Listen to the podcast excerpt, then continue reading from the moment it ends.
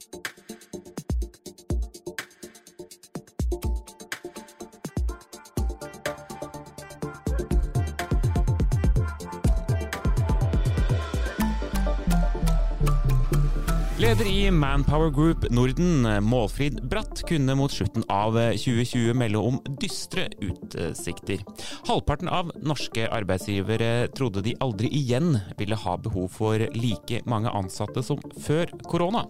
Hvordan ser dette ut nå, mer enn et halvår inn i 2021? Og hvilken kompetanse vil etterspørres fremover? Målfrid er ukens gjest i Innopoden. Velkommen til oss, eh, Målfrid. Tusen takk. Hyggelig å få lov å være her. Veldig hyggelig å ha deg her også, og veldig hyggelig å ha deg her også, Håkon Haugli. Tusen takk. Du, Målfrid, eh, kan du bare først fortelle, hva er egentlig Manpower Group? Hva gjør dere? Du, Vi gjør veldig mye forskjellig. Alt fra det som kanskje mange tenker på som, som eh, at vi driver med vikarer. Så vi har mange ute i jobb på hver eneste dag. Men så har vi en ganske stor konsulentvirksomhet både innenfor IT, ingeniør og på finans.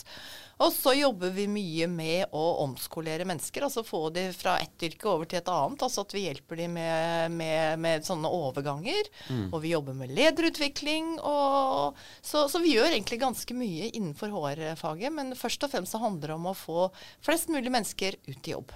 Og, og det har vært snakket veldig mye om eh, jobb de siste to årene, å, å stå utenfor jobb, være permittert, eh, arbeidskraft osv.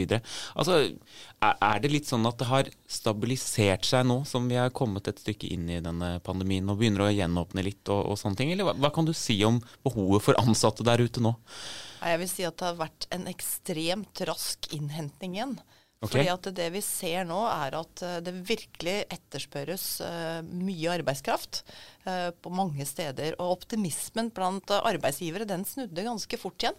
Vi hadde, når, som du refererte til, så hadde vi en ganske sånn litt dyster stemning her inn i tredje kvartal for et, for et år siden. Og vi mm. er jo sånn som er ute og spør alle arbeidsgivere, eller mange gjør arbeidsmarkedsbarometerundersøkelse hvert kvartal. Eh, og nå når vi så inn mot eh, tredje kvartal, den ga, jeg, ga vi ut her før sommeren, og så hva sa arbeidsgivere da? Da var det 30% som sa du skulle oppbemanne, og 15% som sa de skulle nedbemanne.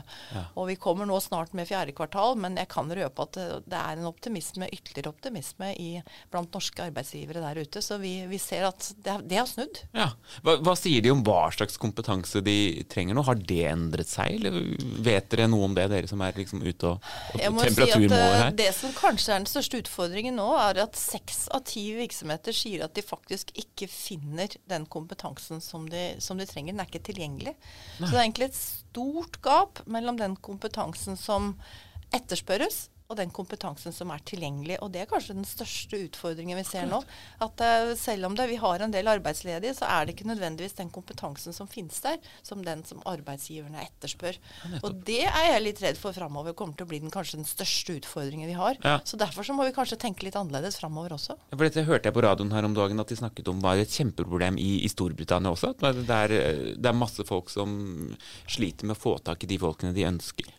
Ja, og det er ikke bare i Storbritannia. Det gjelder vel så mye som du her i, i, i Norge. Men det ja. gjelder egentlig globalt. Og den undersøkelsen vi gjør, gjør vi jo globalt, og ja. i hvert enkelt land.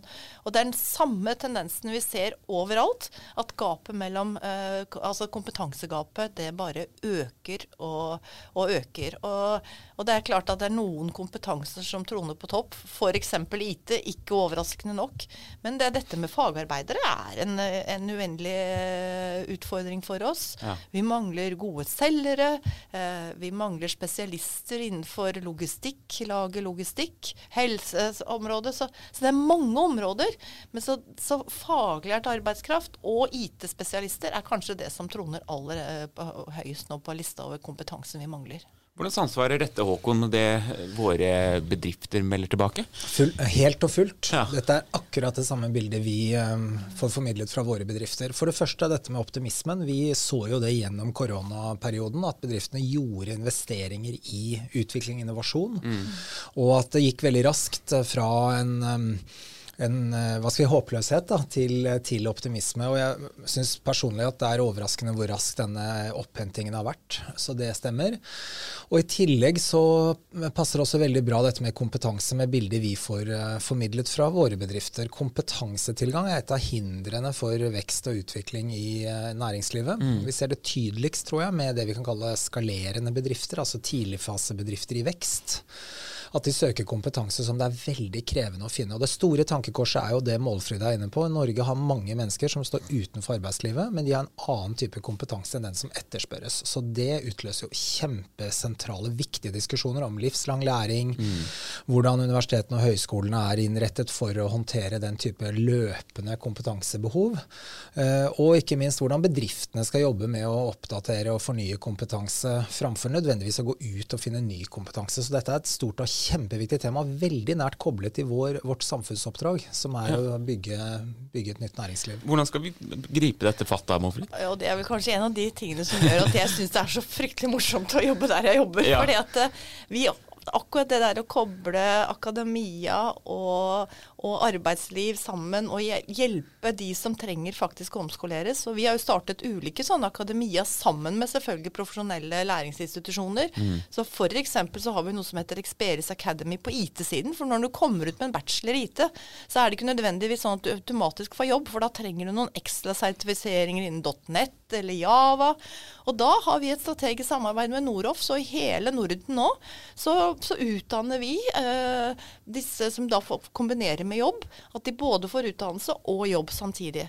Det gjør vi innenfor sjåføryrker i Manpower, det gjør vi innenfor mange andre områder. Så det å samarbeide, sånn som Høgskolen Kristiania har vi et eget samarbeid, hvor du da kan ta nettstudier kombinert med at du jobber. Så da vi, finner vi at arbeidsgiverne de er villige til å stille opp og ta, og bruke fleksibiliteten inn, mm. kombinert med at de får gå på skole.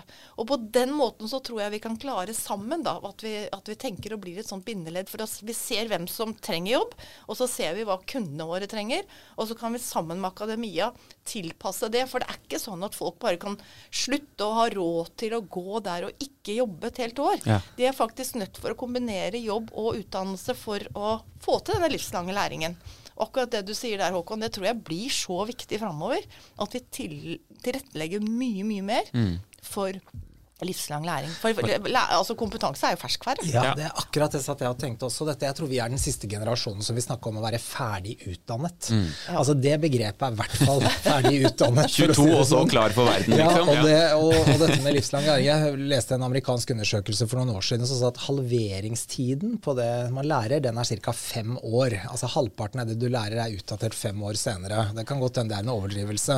Men det går til akkurat ditt poeng med ferskvare. Det som man i begynnelsen av et studium, da, at man tenker på IT, hvor raskt utviklingen går. At det man lærer i begynnelsen av et studie, kan være utdatert på slutten av samme studium. Mm. Og da er det klart det er viktig med den type mekanismer som Manpower og andre har, da, som bidrar til at man får påfyll av kompetanse, oppdatert kompetanse, eller omskolering. Det, for mange er jo det også et alternativ. Vi gjør noe helt annet. Mm. Ja, og Vi har jo sett det nå under pandemien, f.eks. Ja. Hvor vi har satt oss Innen reiseliv så blir jo over natten veldig mange de, de, de satt jo der og ble permittert. Og jeg har noen kjempegode eksempler. altså En dame på 57 år som hadde jobbet hele sin karriere i reiseliv. Så tenker jeg at ja, nå er jeg vel så godt voksen at jeg kan ikke gjøre noe annet.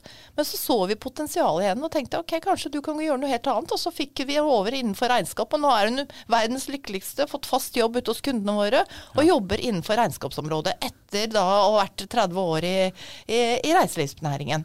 Så hun fikk jo også en mulighet til å gjøre noe annet som hun, fikk, som hun kanskje ikke hadde gjort hvis ikke det hadde vært pga. pandemien. men men da så vi potensialet, og så at her er det faktisk muligheter til å gjøre andre ting. Og sånn har vi jo tusenvis av eksempler på. Hvordan skal vi se fram i tid også øh, på dette? For dette er jo et, et veldig godt eksempel, øh, Målfrid. Men eh, hva slags kompetanse er det vi kommer til å trenge da, eh, på, på, lengre sikt? Er det mulig å kunne gjøre noen spådommer? Jeg husker jo uh, World Economic Forum var ute for noen år siden og sa at de som begynner på barneskolen i dag, de skal begynne jobber som ikke finnes i dag. Ja, jeg husker jeg tenkte jøss, er det stemmer det? Men det, det ser vi jo at det, det, det vi, vi, kan jo ikke helt forutsi hvilken jobber mange av disse barna som i dag begynner på skolen, skal ut i. Uh, men det vi ser, er at mer og mer av den kompetansen som etterspørres, er mer spesialistkompetanse, mindre generalistkompetanse. Ja. Eh, så det er mer og mer spesialister innenfor ulike felt. Hva betyr det i praksis? på en måte? Det betyr at det er, du, Da betyr det også at personlige egenskapene blir ganske viktige. For da er samarbeid og, og, den type ting. For da, ikke, da, sitter du ikke og gjør alt fra A til Å. Men, men, det er såpass krevende mange av de jobbene som gjøres, at innenfor IT-sektoren så er det spesialister. Innenfor andre områder så er det spesialister som skal jobbe. Og med, med den fagkompetansen som da trengs. altså Du bør ikke gå lenger enn til håndverkeryrket. Hvis du går og ser på hva en, eh, en, snekker gjorde før, og hva en snekker mm. gjør i dag på en stor byggeplass, så er mye datadrevet. Det er mye mer at de gjør en smalere del av jobben. Og da kommer plutselig også de personlige egenskapene inn. For da må du evne å samarbeide og overføre altså Spesialistene kan samarbeide for at totalen skal bli bra. Så det, mhm. det, det, er en utvikling som, som, jeg tror blir viktigere og viktigere. Og, og, og det å klare å finne ut hvem er det som har, den, eh, har samarbeidsegenskaper, som har analytiske evner, for det kommer også til å bli viktig framover. Ja. Men, men, og, og, den driven og innovasjonskraften også. altså Det å tørre å tenke nytt, annerledes, det, det, blir bare viktigere og viktigere. Så personlige egenskaper tror jeg framover kommer til å bli enda viktigere. Jeg er veldig enig. Altså, jeg tenker også at Mye av denne diskusjonen om kompetanse ligger veldig sånn i sånn pliktspor. Da, litt sånn moraliserende. og liksom, Man må mm. gjøre sånn og sånn. Mens veldig mye av disse eksemplene også, det handler jo også om lyst, læringslyst, nysgjerrighet, øh, interesse for verden rundt seg. Og de egenskapene tror jeg blir så viktige. da, Oppfinnsomhet, kreativitet. altså Denne delen av, av på en måte, det menneskelige spektrum. Da. Og mm. hvordan kan da skolesystemet helt fra starten egentlig bidra til å dyrke frem og styrke elevenes ferdigheter på det området? Eh, og dette har vi jo vært også mye snakk om, da, men jeg tror liksom, det, vi er på vei bort fra det at det er liksom tillært kunnskap som er det sentrale. Det er evnen til å hele veien tilta seg ny kunnskap som jeg tror blir helt nøkkelen. og ikke minst for å ha en stor oppgave foran oss som samfunn å utvikle et nytt næringsliv. Altså Skal vi ha jobber, så trenger vi et næringsliv. Mm.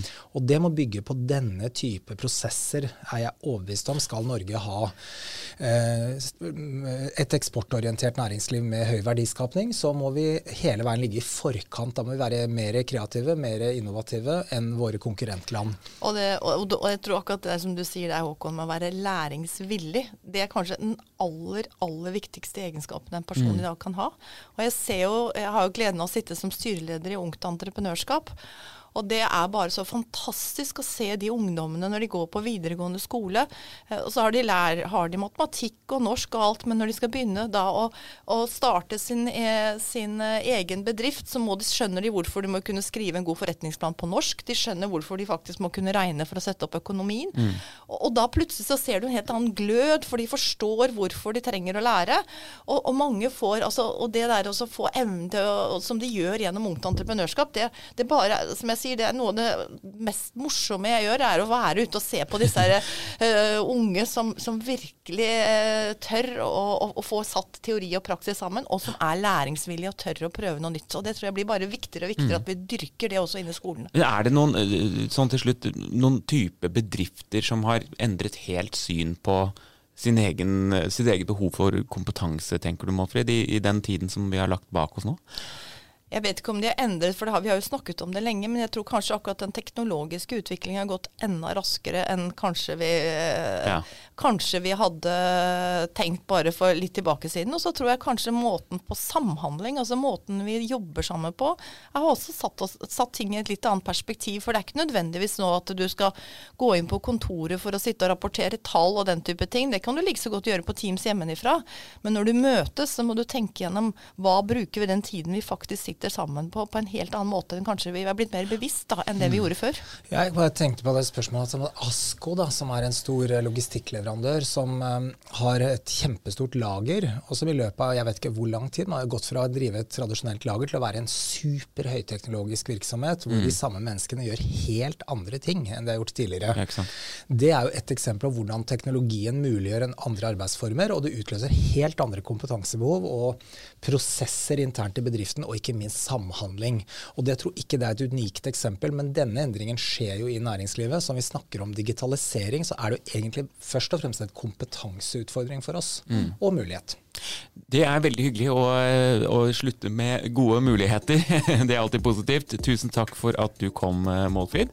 Og tusen takk for at du også kom, Håkon Haugli. Og Innepodden, vi er tilbake neste uke med et nytt spennende tema.